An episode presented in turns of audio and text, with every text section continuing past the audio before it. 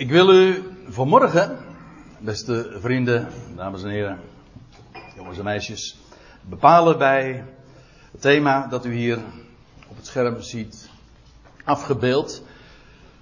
En dat is ontleend aan Zacharia 14. Boek uit het Oude Testament dus, een van de kleinere profeten. Zacharia. En het zijn maar een negental versen die we onder de loep willen nemen en wat nader willen bespreken. Maar ik zal u vertellen, er staat zoveel in. Ten meer, kijk, u moet zich realiseren, dat is een, ook een sleutelpassage als het gaat om het profetisch woord. Dat wil zeggen, dat spreekt over de dingen die nu nog ook nog steeds moeten gaan gebeuren. In de nabije toekomst. En dan heb ik het over de terugkeer van de Heer. De, de beloofde terugkeer van de Messias. Dat hij zich zal wenden tot zijn volk Israël. En ook zijn koninkrijk zal vestigen in deze wereld, daar in Jeruzalem. Ik wijs die kant op, ik weet niet of ik het dan goed doe, maar in ieder geval, dat is ergens eh, in het oosten, maar dat begrijpt u. Een concreet koninkrijk, een concrete plaats, daar zal hij straks gaan verschijnen. En er is bijna geen Bijbelgedeelte aan te wijzen dat daar zo concreet, zo duidelijk over spreekt ook als Zacharia 14. En wat ik vanmorgen wil doen, maar ook de volgende keer, en dan praten we inmiddels over uh, drie weken later, dat is de 31ste juli, dan wil ik opnieuw weer dit gedeelte onder, de, onder ogen nemen. En ook laten zien wat het verband is van tussen dit gedeelte en zoveel andere woorden die we treffen bij, bij andere profeten.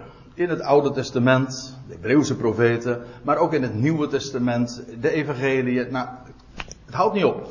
Overal worden we daar weer in bevestigd. En wat ik daarin, en dat was een van de dingen die mij weer zo enorm opvielen toen ik daarmee bezig was in de voorbereiding. Wat geweldig de Bijbel ook is, zoals de eenheid zich aan ons opdringt. Ik bedoel, die Bijbel dat is een verzameling van boeken en geschriften in de loop der tijden, de loop der eeuwen geschreven.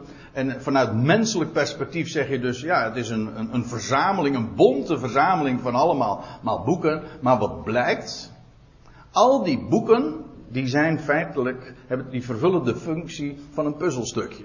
En al die puzzelstukjes die passen naadloos in elkaar. Terwijl er helemaal geen, menselijkerwijs gesproken, helemaal geen, uh, geen ontwerp achter zit. Dat wil zeggen, er is niemand die dat allemaal zo heeft geregeld. Nee, maar dat bewijst dus de goddelijke inspiratie.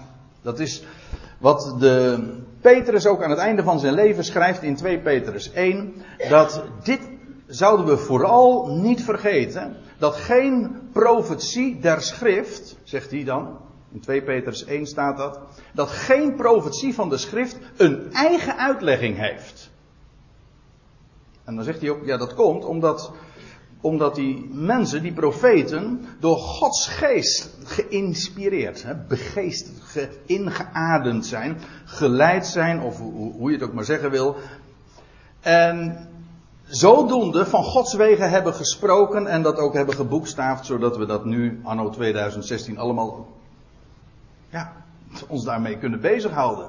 Maar geen profetie der schrift, daar, wilde ik, daar ging het me vooral even om. Geen profetie der schrift heeft een eigen uitlegging. Dat wil zeggen, die, die profetieën, die leggen zichzelf niet uit. Die profetieën van de schrift, die worden uitgelegd door andere profetieën in de schrift. Dus de ene profetie legt de andere uit. En zo kom je tot een totaal zicht. En zo krijg je ook een panorama, een overzicht en ook met recht uitzicht op wat er gaat gebeuren. Nou bent u natuurlijk eh, benieuwd wat daar in dat gedeelte staat. Ik stel me zo voor dat er hier heel wat mensen ook in de zaal zijn die Zacharia 14 goed kennen. Het is, zoals gezegd, het is een sleutelpassage als het gaat om het profetisch woord. Bekend gedeelte in die zin ook. Maar anderen zullen daar misschien niet of nauwelijks van op de hoogte zijn. Voordat we ons daarmee gaan bezighouden, dus echt uh, zullen de diepte in zullen gaan, wil ik eerst eventjes dat gedeelte met u lezen, zodat we even een totaal idee hebben van waar het over gaat. Dat is dus het gedeelte waar we en vanmorgen en over drie weken wederom, zo de Heer wil en wij leven, uh, ons mee zullen gaan bezighouden. Zachariah 14, daar staat dit. En nog even voor de goede orde. Uh, de vertaling die u hier ziet, dat is de vertaling die zo dicht mogelijk als uh, aansluit bij de bij de woordelijke tekst. Dus een ultraletterlijke weergave dus bij de interlineaire. We komen daar, uitge, we komen daar later nog eh, op terug. Dan zult u dat ook zien. Maar ik lees hem alvast op deze wijze ook voor. Aanschouw, er komt een dag voor Yahweh, Zachariah 14 vers 1, en jouw buit zal verdeeld worden in het midden van jullie. En ik verzamel al de natieën te Jeruzalem tot de strijd. De stad wordt veroverd, de huizen worden leeggeroofd, de vrouwen geschonden. En de helft van de stad trekt uit in ballingschap. En de rest van het volk zal niet afgesneden, of in de, in de staan, zal niet uitgeroeid worden in de stad. En dan staat er in vers 3, en Yahweh, de Heere, zal uittrekken en strijden te midden van de natie. Zoals ten dagen dat hij streed, ten dagen van een aanval. En zijn voeten zullen staan in die dag op de Olijfberg, die op het zicht van Jeruzalem ligt, vanaf het oosten. En de Olijfberg wordt midden doorgespleten, oostwaarts en westwaarts, tot een zeer groot ravijn. En de helft van de berg zal noordwaarts wijken en de helft zuidwaarts. En jullie zullen vluchten in het ravijn van mijn bergen. Want het ravijn van bergen zal rijken tot Aatzel. Jullie zullen vluchten, zoals jullie vluchten voor de aardbeving in de dagen van Uzia, de koning van Juda. En Yahweh, mijn God, zal komen en alle heiligen met u. En in die dag zal er geen kostbaar licht zijn, maar dikke duisternis. En het zal één dag zijn die bij Yahweh bekend is. Geen dag en geen nacht. En ten tijde van de avond zal er licht zijn. En in die dag zullen levende wateren uitgaan vanaf Jeruzalem. De helft naar de oostelijke zee en de helft naar de westelijke zee. En in de zomer en in de winter zal dat geschieden. En Yahweh zal tot koning zijn over heel de aarde. In die dag zal Yahweh één zijn. En zijn naam één. Zachariah 14 gaat nog door. Dat wil zeggen nog een aantal versen. Maar ik denk dat wij al een heel vol bordje hebben wanneer we ons beperken deze twee zondagen tot deze negen versen. En ik zei al, dit gedeelte, en dat is u bij voorlezing eigenlijk ongetwijfeld meteen al opgevallen. Ja, dit moet gaan over gebeurtenissen die tot op de dag van vandaag nog niet gebeurd zijn. Dit is profetisch. En er zijn mensen en uh, dat die, die, uitleg, die hele type uitleg heeft uh, hele historische wortels. Ook uh, in de christenheid, in de kerkelijke geschiedenis. Er zijn mensen, er is een type uitleg die ervan uitgaat, eigenlijk is dat zelfs de traditionele manier waarop de profetieën gelezen worden, die alles maar vergeestelijkt. En die als Israël, iets Israël genoemd wordt, dan lezen ze de kerk. En ja, en zo gaat het eigenlijk altijd. En ik juist van de week kreeg ik van iemand nog een e-mailtje. Die daar ook vragen over had. Die werd geconfronteerd met iemand die dat ook alle, zo het profetisch woord leest. En natuurlijk is daar voor elke uitleg is wel wat te zeggen. Maar neem eens de proef op de zon. En neem een gedeelte als Zachariah 14, wat we nou vanmorgen en de volgende keer onder ogen hebben. Ga dat nou eens een keertje op die manier lezen. Hè? Vergeestelijken. Dan ja, dat moet je niet letterlijk zien, dat heeft een overdrachtelijke zin.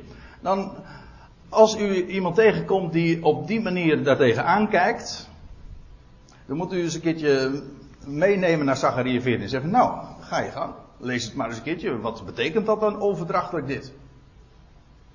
Er is maar één manier waarop zich dit opdringt. Dit is in wezen een hele een, een historische, letterlijke weergave. We, nou ja, historisch, niet in de zin van dat het al gebeurd is, maar gewoon, het, het wordt beschreven alsof het al, inderdaad, alsof het al gebeurd is. Gewoon heel zintuigelijke taal, de taal van de waarneming, de, gewoon, waarbij je, de, de wijze waarop je een verslag leest van een gebeurtenis die al gebeurd is.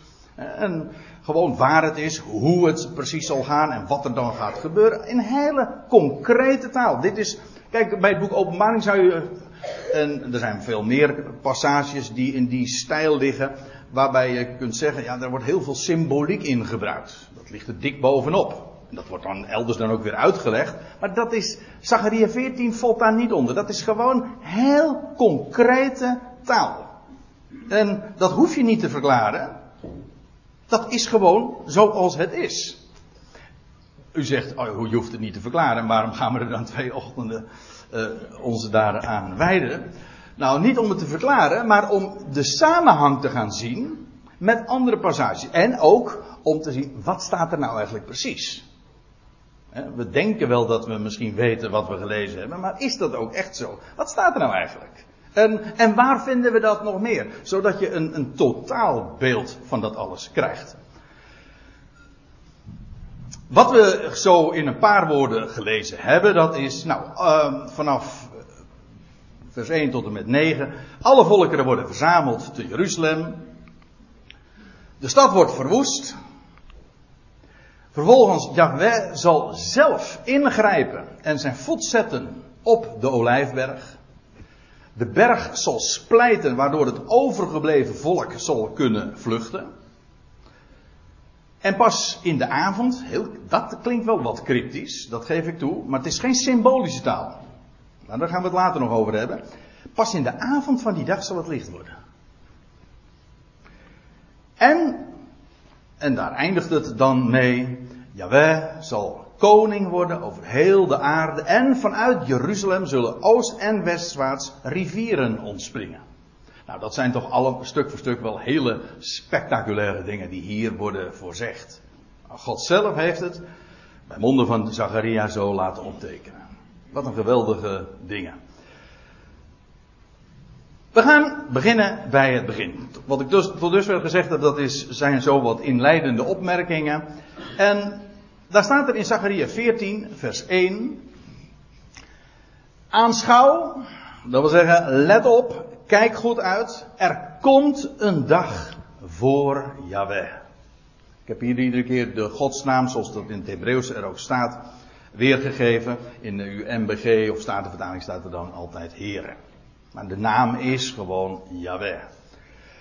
Aanschouw, er komt een dag voor Yahweh. Nou, dat moet voor degenen die een klein beetje vertrouwd zijn met de Bijbel in het algemeen en vooral met profetische boeken, dan moet toch bekende taal zijn, want dit is een term die we natuurlijk zo dikwijls tegenkomen. Nou, dat zeg ik niet helemaal goed. Want meestal is de term de dag van Yahweh, of de dag des Heren dan.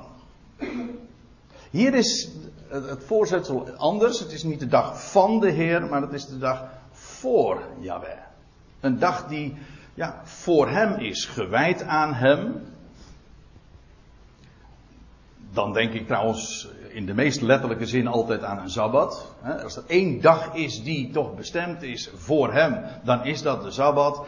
En dat klopt niet helemaal met wat ik nu zeg, en toch weer wel.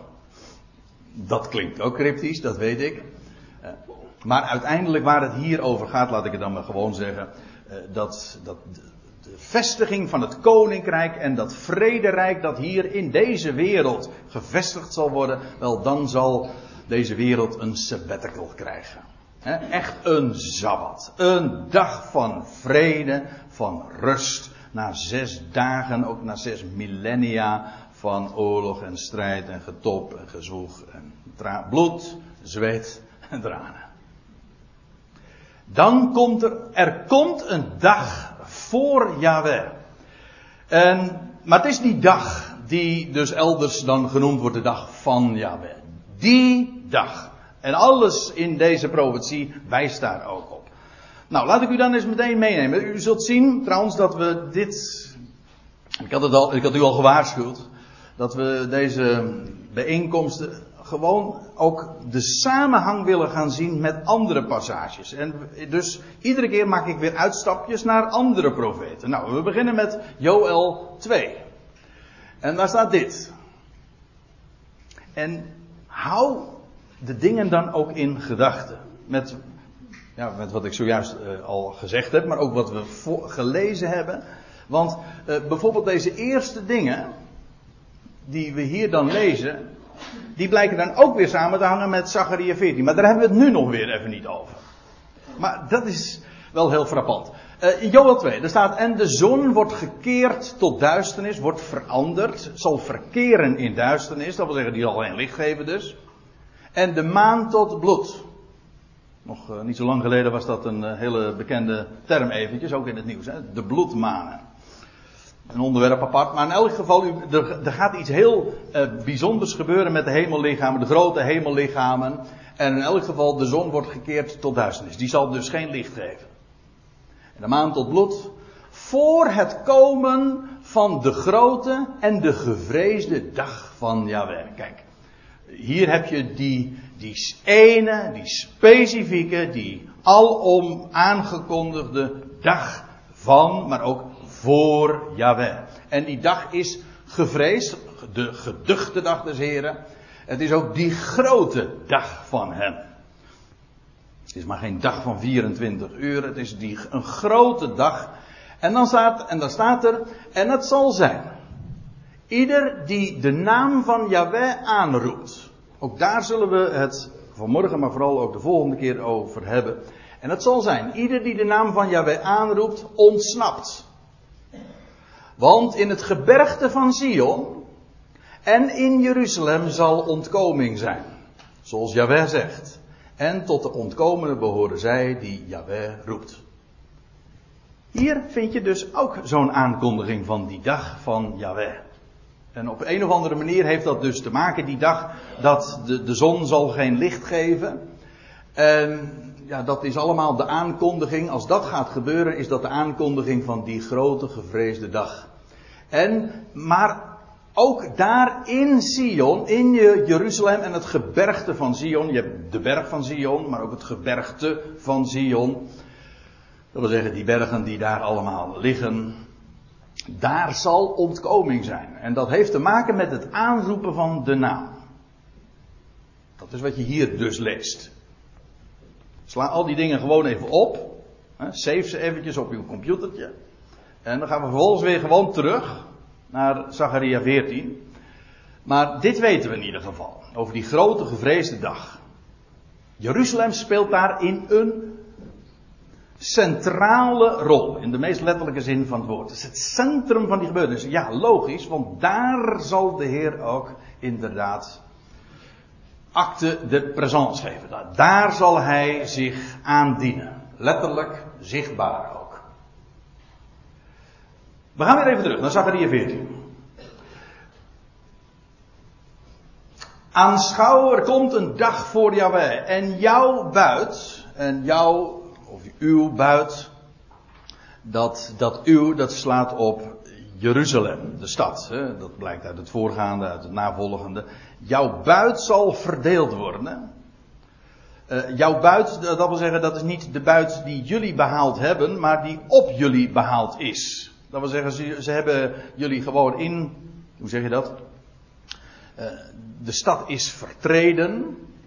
En men heeft alle kostbaarheden, heeft men zich eigen gemaakt. En daar ter plekke zal, zal de buit worden verdeeld. Het betekent gewoon dat de stad helemaal vertreden zal zijn. Dat wil zeggen, Jeruzalem is helemaal plat gewalst en in het bezit dus van ja, de natieën. En ook dat vinden we weer op zoveel andere plaatsen. Maar laat ik u eerst eens. Nee. Ik wou zeggen, ik neem u mee naar Lucas 21. Daar wacht ik nog eventjes mee. Dat, gaan we straks doen. Want daar zien we inderdaad dat de stad van Jeruzalem vertreden is. Eerst even dit nog. We lezen even verder. En ik, let op dat die hoofdletter. Eh, ik. Het is Yahweh die hier aan het woord is. En ik verzamel al de natieën te Jeruzalem tot de strijd.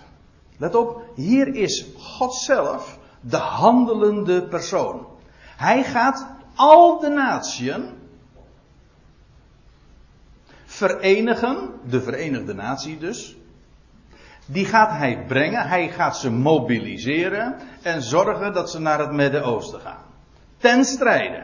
En ze zullen zich daar in Jeruzalem en daar rondom die stad gaan legeren.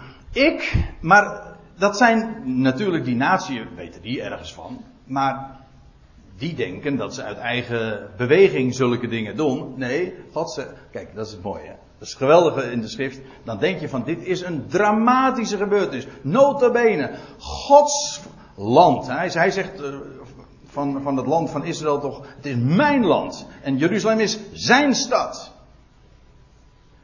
En, en nou wordt die hele stad wordt platgewalst door, door, door de natieën. En, en wat blijkt? God zegt, ik zelf ben de handelende persoon. Ik zorg ervoor dat dat gebeurt. Dat gaat niet goed. Drama. Ja, dat is ook vreselijk. Maar er, is een, er zit een plan achter. Er is een design.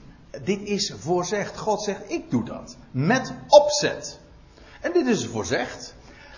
En we gaan eerst even naar Zachariah 12. En op dat gedeelte heb ik trouwens de vorige keer nog gewezen. Want toen hadden we het over de steen des aanstals. En toen was het mijn broer die uh, nog uh, de suggestie had gedaan van... Oh, dat is die steen die in Zachariah 12 genoemd was. Ik herinner me dat ik dat toen nog vertelde. Hou je nou niet van de domme Dirk? Je weet het best. Maar in ieder geval, uh, Zachariah 12. Dus nu, dat is uh, in zekere zin dus ook een beetje de, de connectie met het voorgaande. Maar goed, dat zeer terzijde. Zachariah 12, dus twee hoofdstukken eerder. We, we, houden ons nu bezig vanmorgen met Zachariah 14, maar nu bladeren we even terug in datzelfde boekje. Zachariah 14 is trouwens het laatste hoofdstuk van Zachariah. En als we twee hoofdstukjes terugbladeren, dan komen we in Zachariah 12 en daar staat: Zie ik, jawel, God zelf, die het woord dus neemt. Zie, ik maak Jeruzalem tot een schaal van bedwelming. Voor alle volkeren. Kunt u zich dat voorstellen? Dat is een mooi beeldspraak. Maar die, die stad van Jeruzalem, dat zorgt ervoor dat de natieën bedwelmd raken. Niet meer eigenlijk uh, bij zinnen zijn. Ze, nou, laten we het gewoon verder lezen. Zie, ik maak, ik maak Jeruzalem tot een schaal van bedwelming voor alle volkeren. Voor alle, ja, sorry, in, voor alle volkeren in het rond. Ja, dat, je zou kunnen zeggen dat is een beperking. Dat is trouwens nog maar de vraag. Maar goed, daar heb ik het nu even niet over. Alle volkeren in het rond. Ja, ook tegen Juda zal het gaan. Dat wil zeggen, eh, het omliggende land. Jeruzalem ligt immers in het Judese land. Het gebied van de twee stammen. En zoals wij trouwens ook nog steeds spreken van de Joodse staat. Maar Joods betekent eigenlijk ook van Juda. Dat wil zeggen het Judese land. Ja, ook tegen Juda zal het gaan. Bij de belegering van Jeruzalem. Dus die stad wordt belegerd door alle volkeren daar in het rond.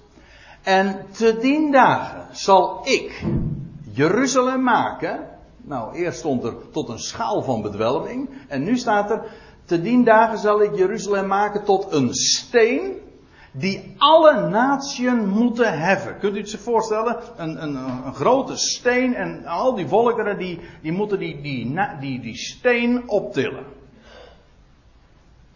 Maar, let op wat er gebeurt. Alle die hem heffen, zullen zich deerlijk verwonden. Met andere woorden, ze kunnen het niet. Ze lopen daar eigenlijk gewoon tegenaan te pletteren. En dat bedoel ik eigenlijk letterlijker dan, dan je misschien zou denken. Maar alle naties moeten die steen heffen en zo zal dat gaan. Dus die, natie, die volkeren worden daar gebracht, gaan die stad belegeren, maar het zal ze vies tegenvallen. En dat is een eufemisme.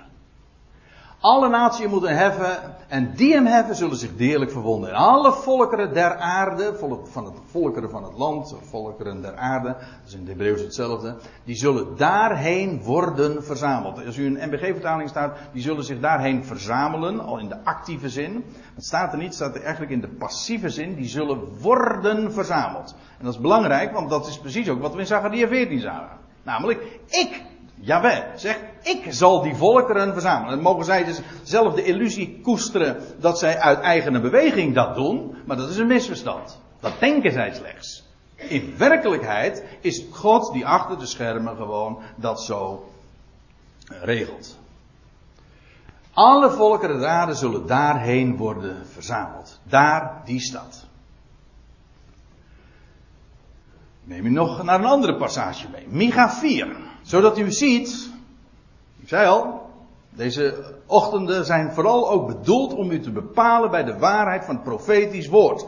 En om u te laten zien dat dit maar niet zomaar een tekst is in één profeet die je op een bepaalde manier kan lezen. En dan zeggen we nou ja, het, zou zo kunnen gaan om een bepaald scenario te gaan uh, neerzetten. Nee, ik wil u laten zien, dit is wat we overal treffen. En overal worden we daarin weer bevestigd. En wat het ene passage niet vertelt, dat vertelt de andere weer, zodat, je, zodat ze elkaar dus werkelijk ook aanvullen.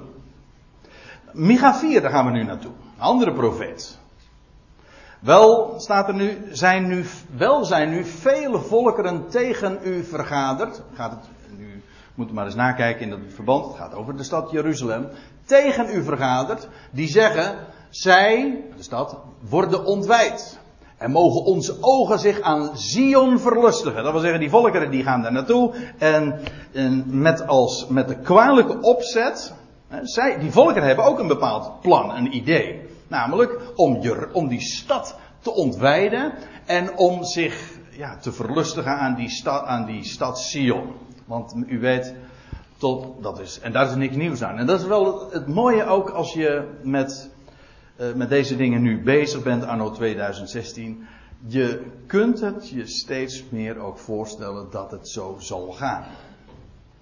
Ik heb boekjes in de kast liggen, in mijn, in mijn boekenkast. Uh, die zijn al pakweg 150 jaar oud, nog, nog ouder. Van, ik noem namen als van Voorhoeven.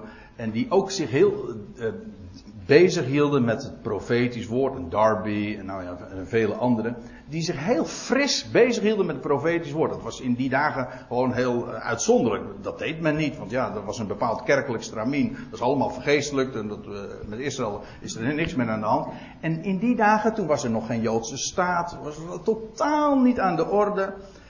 Uh, Jeruzalem als een Joodse stad. Het was totaal. Dus de Joden, er was nog niet eens een natie Israël om over de Palestijn, Palestijnse kwestie nog maar te zwijgen. Er waren, al die landen trouwens waren er niet. Dat waren allemaal gewoon uh, mandaatgebieden van de grote mogendheden van de Britten of van de Fransen, weet je veel wie allemaal.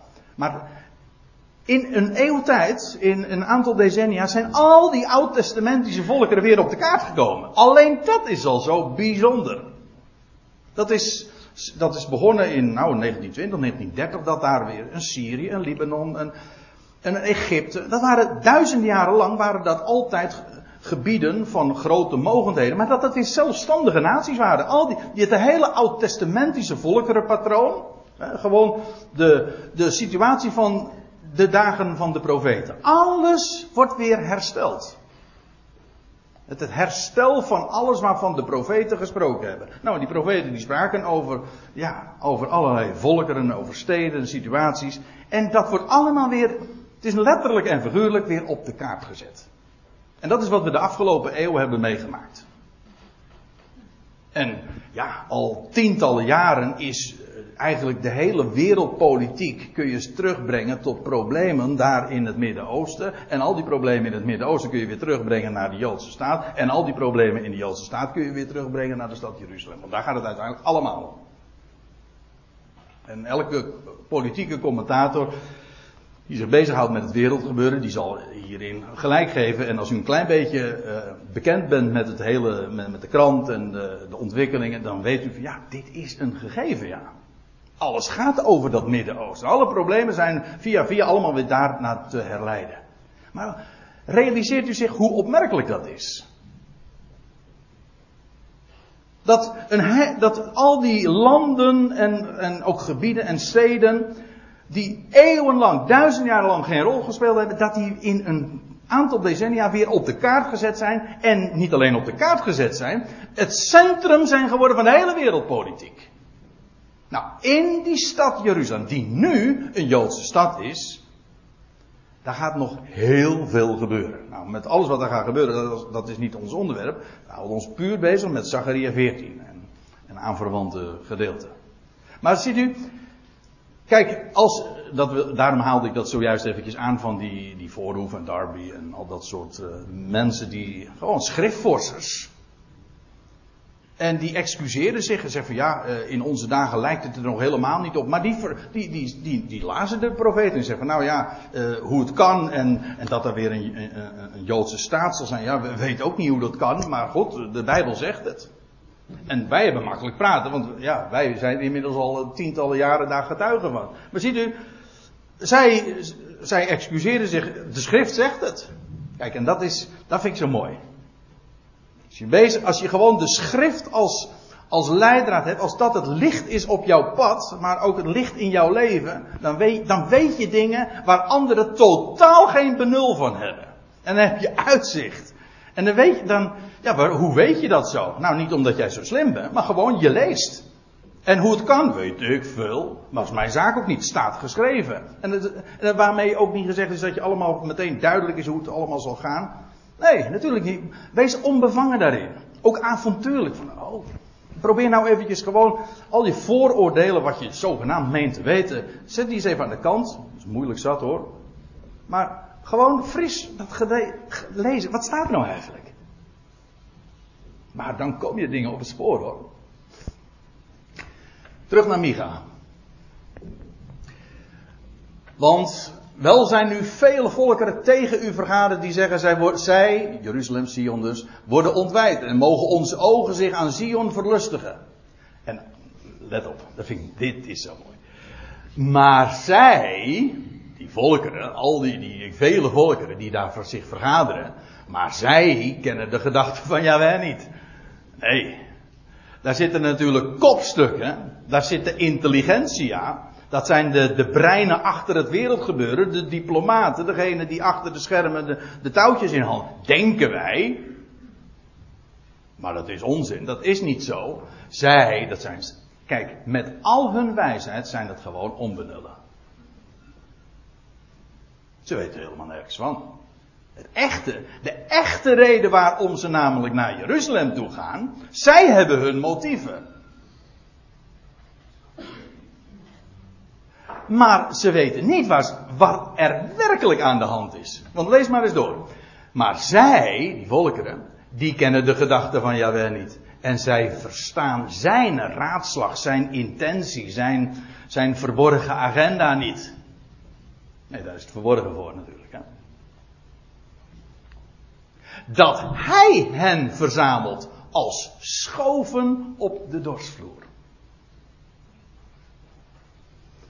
Dus zij hebben, dit vers 11 zegt en spreekt van de initiatieven en de gedachten van de volkeren om naar Jeruzalem toe te gaan. Politieke, godsdienstige motieven. Die, en die twee die hebben het op een akkoordje gesloten. Die, die, die, twee lijnen lopen in het Midden-Oosten helemaal door elkaar heen. Godsdienst en politiek. Zij hebben hun motieven om naar Jeruzalem te gaan en om die stad te belegeren. Maar weten zij veel. Zij kennen de gedachten van Jawel niet. Want in werkelijkheid is hij degene die hen verzamelt. En haar, hen daar brengt als schoven op de dorsvloer. En hier is een landman aan de gang. De Heer als landman. En die daar bezig is de oogst binnen te verzamelen. En trouwens, Jeruzalem, dat is ook trouwens nog een hele mooie is een dorsvloer. Hè? Ja, Jeruzalem is een dorsvloer. En die hele stad ontleent feitelijk zijn betekenis aan het feit dat het van origine een dorsvloer was. U weet, de tempel is gebouwd op een, eh, ja, op wat? Op een dorsvloer, ja. Ja, die had hij, kunnen, die had hij zelf kunnen verzinnen natuurlijk nu. De dorsvloer van Arauna. Van Ornan, of hoe die ook. Uh, heeft verschillende namen, maar in ieder geval Arauna. En die, het was een dorsvloer, en dat werd de tempel. Dus als die, die, die volkeren daar verzameld worden, daar in Zion, dan in werkelijkheid komen ze bij elkaar allemaal bij en op de dorsvloer. En de Heer gaat hen dorsen en wannen, ook dat beeld wordt gebruikt. En er is een machtig mooi boekje. Jaren geleden hebben wij ons in, uh, dit verband, ook hier in Soetermeer, daar eens mee bezig gehouden. Met uh, Rut, het boekje Rut. Daar gaat het ook over Boas, de man van Bethlehem. En die daar ook op de dorsvloer bezig was en daar Rut tegenkwam. En ah, dat zijn zulke kostbare, machtige dingen. Want uh, nou, daar zie je gewoon in typologie, in zulk prachtige, zo'n romantisch verhaal. In werkelijkheid komt daar een heel profetisch decor tot leven. Maar ziet u, eh, daar gaat het me nu even om. De Heer zelf brengt die volkeren daar in Jeruzalem.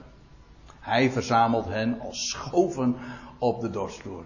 En alleen dit al, want we houden ons natuurlijk de hele morgen nu bezig met, met profetische waarheden, dingen die nog uh, gaan gebeuren en in het grote wereld gebeuren. Maar, en het kan best zijn dat u hier nu gekomen bent en dat u zegt van ja, ik heb, uh, ik moet, dit is, dit is wel even een omschakeling, want ik ben met mijn eigen persoonlijke problematiek bezig. Maar misschien is het, helpt het u erger om aan te denken dat u of jij zo je eigen ideeën kan hebben, je eigen problemen, maar vergis je niet, er is een God die met alles en door alles heen een geweldig plan heeft. En als dat al is met een hele grote wereld gebeuren, nou hoeveel te meer dan ook met mijn eigen persoonlijke leven. Er gaat nooit iets mis. Bij hem.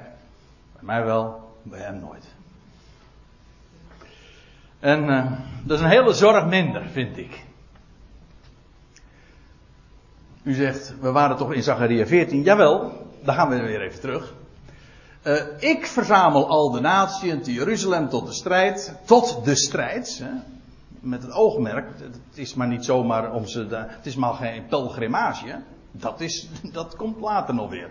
Want dan gaan de volkeren ook als pelgrims naar Jeruzalem. Maar nee, tot de strijd.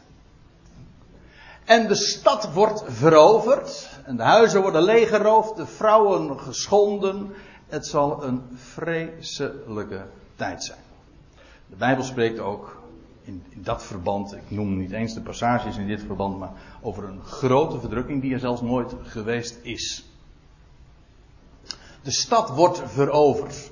Dan neem ik er weer even mee naar Lucas 21. En Lucas 21, dat is een parallel gedeelte met Matthäus 24, en daar is de Heer Jezus, spreekt de Heer op de olijf. Ja.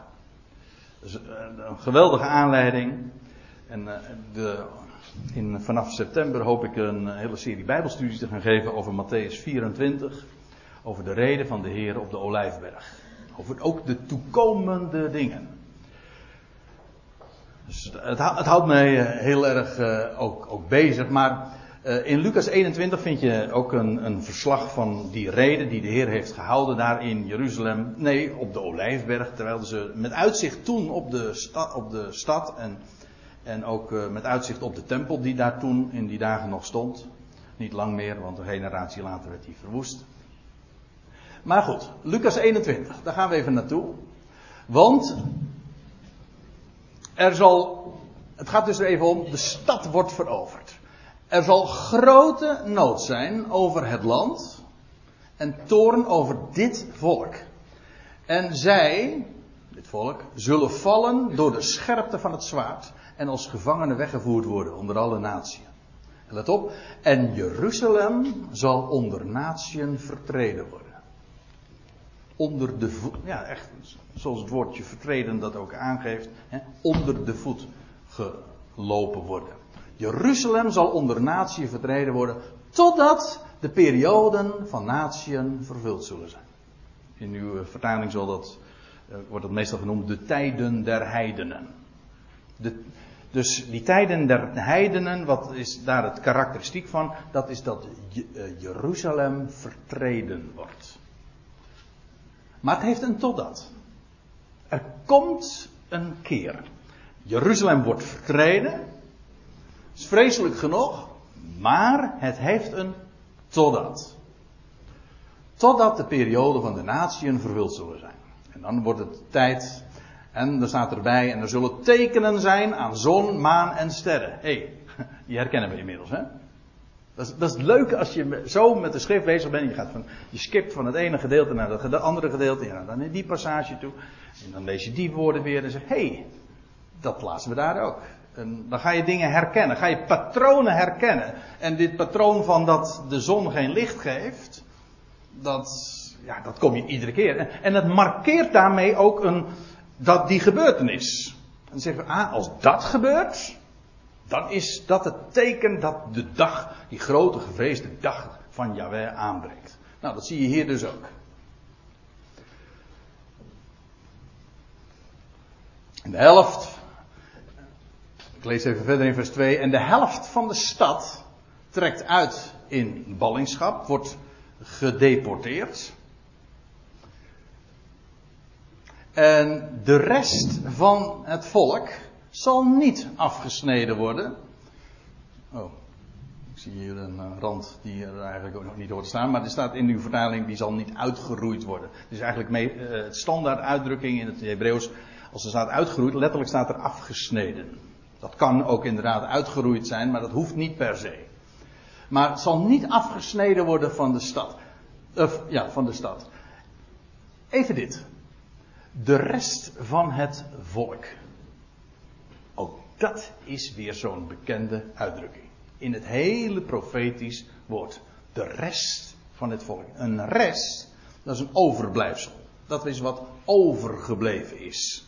Dat is hier heel duidelijk. Hè, de helft van de stad, die wordt, uh, dat wordt, wordt gedeporteerd. Terwijl de, de stad vertreden wordt. Uh, met alle afschuwelijke dingen die daar nog, nog meer gebeuren. Maar de rest, dat wat overblijft, dat zal niet afgesneden worden of niet uitgeroeid worden eventueel van de stad of uit de stad. Nou, en dan moeten we weer even teruggaan. En nu hoeven we niet eens naar een andere profeet, maar we gaan gewoon terug naar Zacharia. En zelfs naar de versen die direct aan Zacharia 14 voorafgaan. Ik had natuurlijk ook gewoon die er nog bij kunnen nemen. Maar om, uh, nou ja, didactische redenen zal ik maar zeggen, uh, heb ik ervoor gekozen om het op deze manier te doen. De rest van het volk. Want de rest van het volk, dat is een uitdrukking die dan weer ontleend is aan een paar versen eerder. Aan drie, vier versen eerder dan wat, waar het hier over gaat. De rest van het volk. Het overblijfsel van Israël. Wat overblijft van dat volk. Dat zijn. Uh, dat is niet makkelijk. Dan zie je ook hoe, hoe, hoe enorm die eindtijd zal zijn. Die tijd van het einde, die transitie van deze, deze boze aion. Daar gaat een einde aan gemaakt worden. Hardhandig. En God gaat ingrijpen, hoogst persoonlijk. En dan is het zijn dag. En dan gaat hij grote schoonmaak halen. En, maar ook wat er gebeurt met dat volk. Dan lees je, en in heel het land, zegt Yahweh, met nadruk, luidt het woord des Heren, staat er dan, in, onze, in de meeste vertalingen. Maar het staat eigenlijk dus, met nadruk wordt daar verklaard. In heel het land, zegt Yahweh, met nadruk, twee derde in haar zal worden afgesneden en overlijden. De geest geven, staat er in uh, de meeste vertalingen. Gewoon, nou, dat is hetzelfde. Maar twee derde. Weet, niet iedereen wil dit horen. Ik vertel ook niet wat wenselijk is. We lezen de schrift. We zeggen niet van ja, maar dat vind ik niet zo leuk. En dat komt me niet zo uit. Dus laten we, laten we dat niet lezen. Laten we gewoon realistisch zijn. En u zegt van, ja, maar jij, jij vertelt toch een goed bericht? Jawel, we vertellen een goed bericht. Dat, maar dit maakt ook deel uit van dat goede bericht. Maar dan moet je wel eventjes geduld hebben. Want je moet het, het totale gedeelte, het totaal zien. Min, God gaat de min tot een plus maken. Die min maakt ook deel uit van die plus, maar je moet even geduld hebben. Ik zeg altijd, een min is een plus die nog niet af is. Ja, als je er zo tegenaan kijkt, dan wordt het, uh, het leven een stuk makkelijker, aangenamer. En trouwens, de schriftlezing ook uh, zoveel uh, beter. Maar wees reëel. Er staat dus in dat land. Ik weet dat velen die, die zeggen van ja, de, de Joden die zijn nu teruggebracht naar het land. En dat is allemaal halleluja, geweldig. Ik zal u dit vertellen. Het is de meest onveilige plek voor een Jood om te vertoeven. En niet alleen voor Jood, maar in het algemeen. Het is een buitengewoon gevaarlijk gebied. Want wat, er alle, wat daar nog gaat gebeuren. Nou, je, je ziet dat. Uh, in heel het land, zegt Jawel met nadruk, twee derde in haar zal worden afgesneden en overlijden. Het derde deel zal in haar overblijven. Kijk, hier heb je die rest. Die rest. Dat derde deel. Dan staat er in vers 9, in het, in het daaropvolgende vers, en ik breng, weer de Heer zelf, en ik breng dat derde deel in het vuur. Waarom wordt het hier gesproken over het vuur? Wel, omdat uh, een beeldspraak wordt geïntroduceerd. En ik louter hen zoals men zilver loutert. In het vuur dus. Dat wil zeggen, het wordt daar, om nog eventjes in de, in de beeldspraak te blijven. Het wordt daar zeer hete grond onder de voeten. Het is, het is een loutering. Zoals u ziet hier, uh, dat beeld van vuur, dat onderstreept trouwens wat ik zojuist wilde zeggen. Dat mag dan buitengewoon pijnlijk en moeizaam zijn, die loutering, jawel, maar even het hele plaatje in ogenschouw nemen. Het gaat om het doel. Dat is een zilversmid of een goudsmid die zilver of goud beproeft. Die brengt die, dat goud of dat zilver, ik heb er verder helemaal geen verstand van, maar om dat te reinigen, om daar louter goud van te maken, dat is een reinigingsproces, dat is buitengewoon pijnlijk, maar juist om het te zuiveren. En feitelijk is dat hele proces van de eindtijd niets anders dan een, een louteringsproces. Houd dat altijd goed in de gaten. God gaat, is bezig met zilver en goud te maken. Om dat puur goud en zilver te maken. Ik breng dat derde deel, dat dus overgebleven is, daarin die enorme verdrukking en die vertreding van de stad enzovoort. Ik breng dat derde deel in het vuur. Ik louter hen, zoals men het zilver loutert, en ik beproef hen zoals men het goud beproeft. Het zal mijn naam aanroepen. En ik antwoord het. Ik zeg, jawel, mijn volk. En het, dat derde deel, zal zeggen. Dat overblijft dus, hè, die, die rest. En, dat, en het zal zeggen, Jawel, mijn God. Dan ziet u ook hier waarom dat gelouterd wordt. In de druk, in, laat ik het bij de beeldspraak blijven. In het vuur, als de nood zo hoog wordt, wat gaan ze dan doen? Mijn naam aanroepen. Maar dat zag u al eerder, als u hem nog, heb u, had hem opgeslagen, heb hem gezeten op de computer, Joel 2. Dat stond ook wel, hè. Daar het gebergte van Sion. Daar in Jeruzalem. Men zal de naam aanroepen. En dan, en daar zal ook ontsnapping, ontkoming wezen. Men zal daar een vlucht, men zal kunnen vluchten. Maar wat is, wat, wat gebeurt er? Wat gebeurt er met dat derde deel? Dat zal hem, die, dat wat overblijft, dat zal hem gaan aanroepen. En u moet zich realiseren dat dat op zich al buitengewoon opmerkelijk is. Als Israël, als het Joodse volk de naam van Yahweh aanroept. Ik zal u vertellen, een Jood doet dat nooit. Uit eerbied. Nou ja, ik, ik moet erbij zeggen, sorry dat ik het zeg, valse eerbied. Ik zeg niet dat het niet oprecht bedoeld is, maar naar bijbelse maatstaf is het vals. Want waarom heeft God een naam gegeven? Ja, om, om één reden, om aangeroepen te worden. En het is zelfs zo erg, ja, feitelijk wel. Die naam is al 2000 jaar verborgen. Men weet, als je nu praat over de naam van Yahweh, ik spreek iedere keer over Yahweh, maar ik zal je vertellen, dat is zeer omstreden hoor. Er zijn ook die zeggen, nee, de, de uitspraak is Jehovah. Anderen zeggen Jewe. En men weet het niet. En men weet het niet. Ja, in de, dat, ja, dat, u vraagt hoe kan dat dan? Nou, die Hebreeuwse letters, dat is een Jod, een He en een Waf en een He. Dat zijn vier Hebreeuwse letters, maar het zijn feitelijk, ja, hoe moet je dat uitspreken? Als dat inderdaad medeklinkers zijn, welke klinkers moeten daar dan tussen? Een E, een O, een A. Nou ja, dat is een, kwestie apart.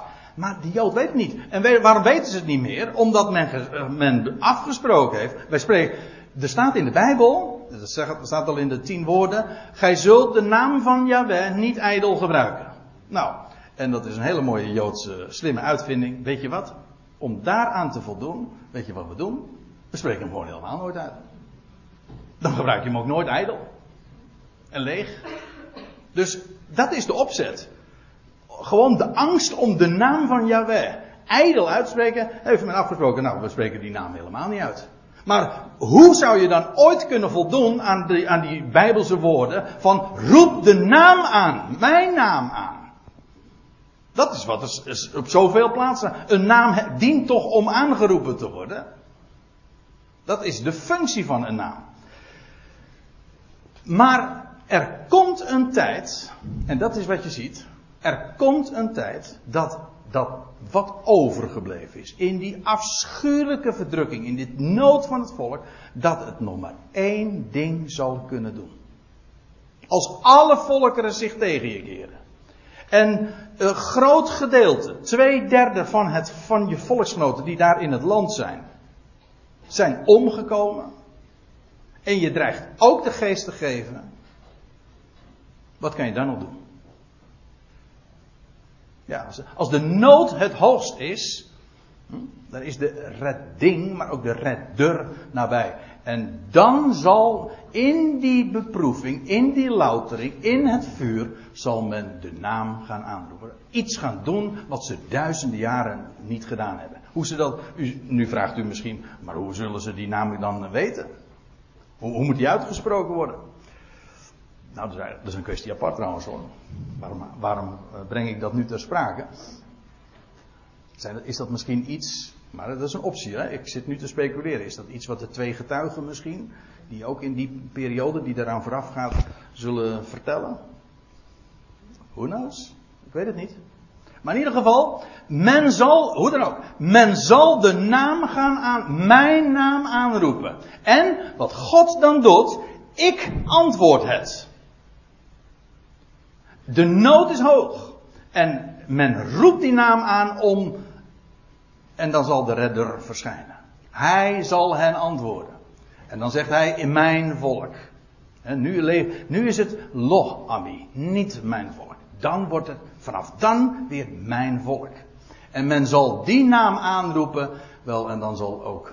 Dan zullen ze zeggen, ja, wij mijn God. Maar weet u wat er dan ook gebeurt? Nou ja, uh, laat ik nog eens een andere passage noemen. Je vindt dat op zoveel plaatsen. Maar in de psalmen, ik weet niet of je het ooit wel eens een keertje met die bril ook hebt gelezen. We hebben de neiging als we psalmen lezen, zoals we zojuist zelf ook uh, psalm 121 zongen, om dat gewoon op onszelf toe te passen. Hè? Van mijn hulp is van u, o Heer. En dan gaat het over mij. Dat is prachtig. Ik heb er helemaal geen kritiek op. Maar weet wel waar het echt over gaat. En bijvoorbeeld in Psalm 50 en vers 15. Ik, uh, iemand zei. Uh, het schijnt een Duits grapje te wezen, maar het telefoonnummer van God. Aanroepen. Hè? Te, telefoonnummer van God. 5015. Roep mij aan ten dagen van de benauwdheid. En ik zal je redden en jij zult mij eren. Selah.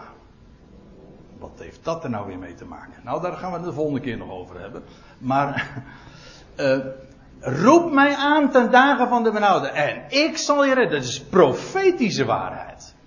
Dit gaat ook zo gebeuren. En als die nood zo hoog zal zijn en dat die rest, dat overblijfsel, daar in Jeruzalem zal de naam gaan aanroepen. En wat doet God? Antwoorden.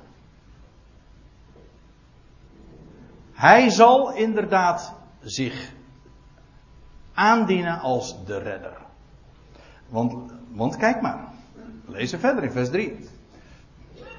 En Yahweh zal uittrekken en strijden. Ja, in, de, in uw vertaling staat er waarschijnlijk tegen. Dat is inderdaad de gedachte. Maar er staat letterlijk te midden van de natieën. Zoals ten dagen dat hij streed, ten dagen van een aanval. Yahweh zal uittreden. hey, nu gaat Yahweh dus. Eerst had hij al die volkeren zelf verzameld. Daar ten strijde tegen Jeruzalem. Nou zijn ze daar. En nu gaat hij het opnemen voor zijn volk. Hij gaat strijden tegen die natie. Wat, wat is er gebeurd? Nou, wat is er veranderd? Men heeft de naam aangeroepen. En wat gaat dan God dan doen? Gaat hij antwoorden. Dan zal hij het voor zijn volk gaan opnemen. Hij zal dan uittrekken. Dit is het antwoord van Yahweh op het aanroepen van zijn naam. Want als hij, zij hem aanroepen, dan zal hij verschijnen. Trouwens, ja. Nee, dat. Ja, ik zit een beetje te bladeren nu. Dat komt omdat ik een beetje in de problemen kom met de tijd. Want waarschijnlijk worden er drie uh, studies over deze. Over, dit zijn zulke geweldige dingen, want ik wilde u zo graag nog meenemen, maar dat bleek nog een paar diaatjes verder te zijn. Naar Zacharia 12. Want wat het wonderlijke is, ja, dat moet ik vertellen. En dan moeten we de rest maar gewoon parkeren voor een volgende keer. Dat moet ik u vertellen. En dan laat ik dit eventjes voor wat het is. En dan staat. Uh, ja, Zacharia 12. Dan staat er. Te dien dagen zal ik zoeken te verdelgen alle volkeren die tegen Jeruzalem oprukken. Dat staat ook dus in Zacharia 12, in datzelfde uh, passages waar ik het zojuist ook al naar verwees. God zal verzoeken te verdelgen al die volken die tegen Jeruzalem oprukken. Want u weet, dat volk en dat land en die stad, dat is zijn oogappel. Kom daar niet aan, want dan krijg je echt te maken met hemzelf. Nu is hij de verborgene en dan laat het allemaal zo zijn gang gaan, maar er komt een dag, zijn dag, dat hij zal optreden. En dan zal hij zoeken te vertellen al die volken die tegen Jeruzalem oprukken. Ik zal, en let eens op, nou, daar gaat het om. Ik zal, iedere keer, ik zal, voorzeggen. Het is geen eis die gesteld wordt aan de mens, maar God zelf kondigt aan. Ik zal over het huis van David en over de inwoners van Jeruzalem uitgieten de geest van de genade en der gebeden. Aha. Aha, dat gaat er gebeuren. Dus als daar die nood zo hoog is, als Jeruzalem dan vertreden wordt door al die naties, en zij zijn naam aanroepen. Ja, waarom? Hoe, hoe komt het dat ze zijn naam gaan aanroepen? Wel, omdat God zijn geest van genade en van gebeden zal uitgieten over de inwoners van Jeruzalem. Dat wat overgebleven is dan. Hè? En dan staat er, en zij zullen mij aanschouwen. Ja, in uw vertaling staat er waarschijnlijk, als u een MBG-vertaling hebt, ze zullen hem aanschouwen. Dat heeft men ervan gemaakt omdat dat logischer, uh, gewoon literair ges gesproken leest. Maar er staat gewoon, als u staatvertaling hebt, staat er inderdaad mij. Ze zullen mij aanschouwen. Wie is mij? Dat is Jahweh. Ze zullen mij aanschouwen, die zij doorstoken hebben. Hé. Hey. Jahweh. Ze roepen de naam van Jahweh aan. En wat doet hij? Hij verschijnt. Hij geeft antwoord en hij verschijnt. En wie zien ze dan? Wie zien ze dan? Nou, die zij doorstoken hebben. Dat, dat, zo staat het er. Met andere, kijk, Yahweh is de onzienlijke God, toch? Niemand heeft ooit God gezien. Als God zich zichtbaar maakt, zich openbaart, dan is dat per definitie Jezus Christus. Zijn beeld. Zijn icoon. Waarin hij zich uitdrukt. We zullen dat ook de volgende keer nog zien. Maar hier is het zo dat ze zullen mij aanschouwen. Die zij doorstoken hebben. En over hem, hier staat dan weer inderdaad hem, een rouwklacht aanheffen. Als de rouwklacht als over een enig kind. Een enig geboren zoon. Heb je hem? Ja, zij zullen over hem bitter leed dragen als het leed om een eerstgeborene.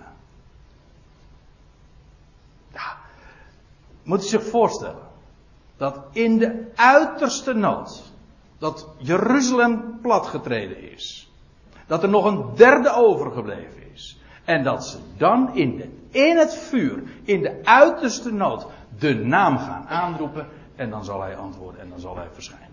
En ze zullen mij zien. En wie blijkt het te zijn? Degene die zij doorstoken hebben.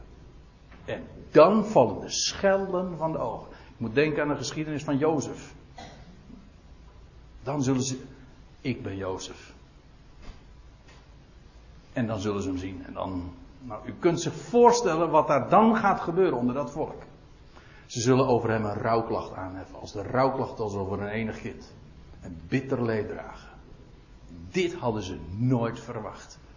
Ziet u hoe geweldig dat plan van God is. Hoe God zich straks weer gaat openbaren aan zijn volk. En ze zeggen, ik ben, weet je wie ik ben? Jullie mogen zelf, zelf geen gesneden beelden maken van mij. Maar ik heb mijzelf een beeld gemaakt. Dat ben ik. Niemand heeft ooit gezegd, maar wie is hij dan?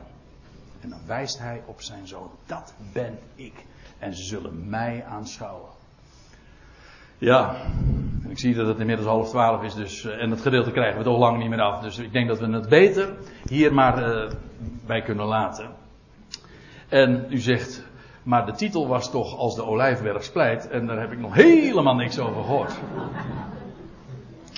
Nee, dat klopt. Winkeliers spreken dan over klantenbinding. Nee hoor, u moet het zelf maar zien of ik op, maar uh, u begrijpt, hier is zoveel mee aan de hand, hier valt zoveel over te vertellen. En ik kan het ook niet helpen, de schrift is zo, nu eenmaal zo rijk. En het is mij een grote vreugde om dat met u uh, zo te delen. Dus, ik zeg, wordt vervolgd. Wellicht nog in drieën dus. Zullen we een lied zingen met elkaar?